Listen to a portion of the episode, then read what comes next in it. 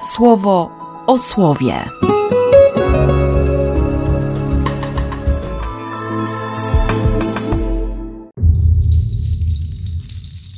7 stycznia, piątek. Z pierwszego listu świętego Jana. Umiłowani, jeśli nasze serce nie oskarża nas, mamy przywilej mówienia do Boga i o cokolwiek poprosimy, otrzymamy od Niego, bo przestrzegamy Jego przykazań i czynimy to, co u Niego znajduje upodobanie. A Jego przykazaniem jest to, abyśmy uwierzyli Słowu Jego Syna, Jezusa Chrystusa, i abyśmy się wzajemnie miłowali zgodnie z przykazaniem, które nam dał. Kto przestrzega Jego przykazań, w Nim się znajduje, a On w Nim. A że w nas przebywa, poznajemy po duchu, którego nam dał. Umiłowani, nie dawajcie wiary każdemu duchowi, lecz sprawdzajcie duchy, czy są z Boga. Wielu bowiem fałszywych proroków wyszło na świat. A ducha Boga poznacie po tym: każdy duch, który przyznaje, że Jezus Chrystus przyszedł w ciele, z Boga jest, a każdy duch, który nie uznaje Jezusa, nie jest z Boga. Takim jest duch antychrysta, o którym wcześniej słyszeliście, że nadchodzi, a teraz już jest na świecie. Wy, dzieci, z Boga jesteście i odnieśliście nad nimi zwycięstwo, bo większy jest ten w was niż ten w świecie. Oni są ze świata, dlatego mówią według świata i świat ich słucha. My z Boga jesteśmy. Kto uznaje Boga, słucha nas, a kto nie jest z Boga, nie słucha nas. Po tym rozpoznajemy ducha prawdy i ducha obłędu.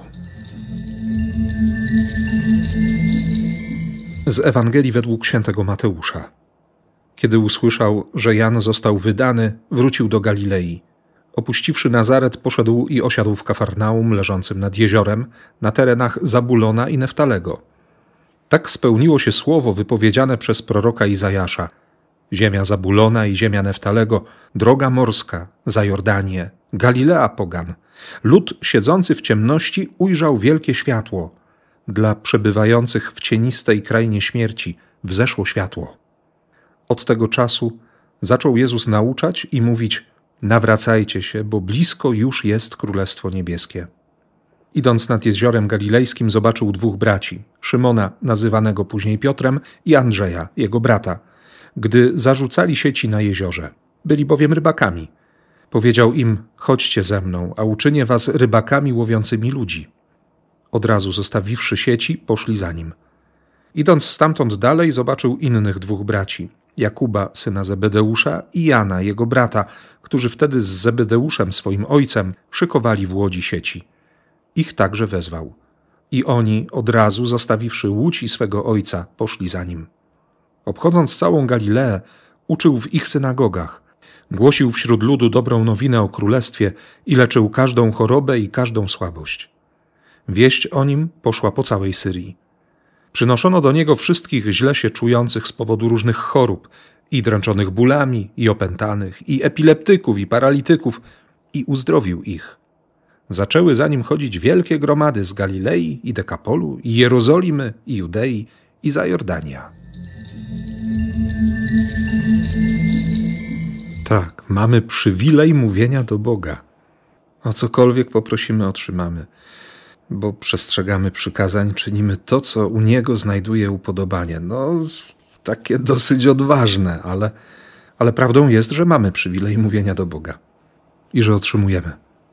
I że Jego przykazaniem jest to, żebyśmy uwierzyli Słowu Chrystusa i żebyśmy mieli do siebie wzajemną miłość. I nie dlatego, że, że sprostamy wymaganiom, tylko dlatego, że, że to przykazanie, które nam dał, to jest zdolność. Zdolność do tego, by kochać, bo On kocha. Bo kocha tak bardzo, bo kocha tak mocno. No. I wbrew całej niemiłości, i wbrew wszystkiemu, co jest antychrystusowe, większy jest ten, który jest w nas. Miłość zawsze będzie większa. Jego miłość jest większa. No, żeby nigdy o tym nie zapomnieć. Dziś w pierwszy piątek miesiąca.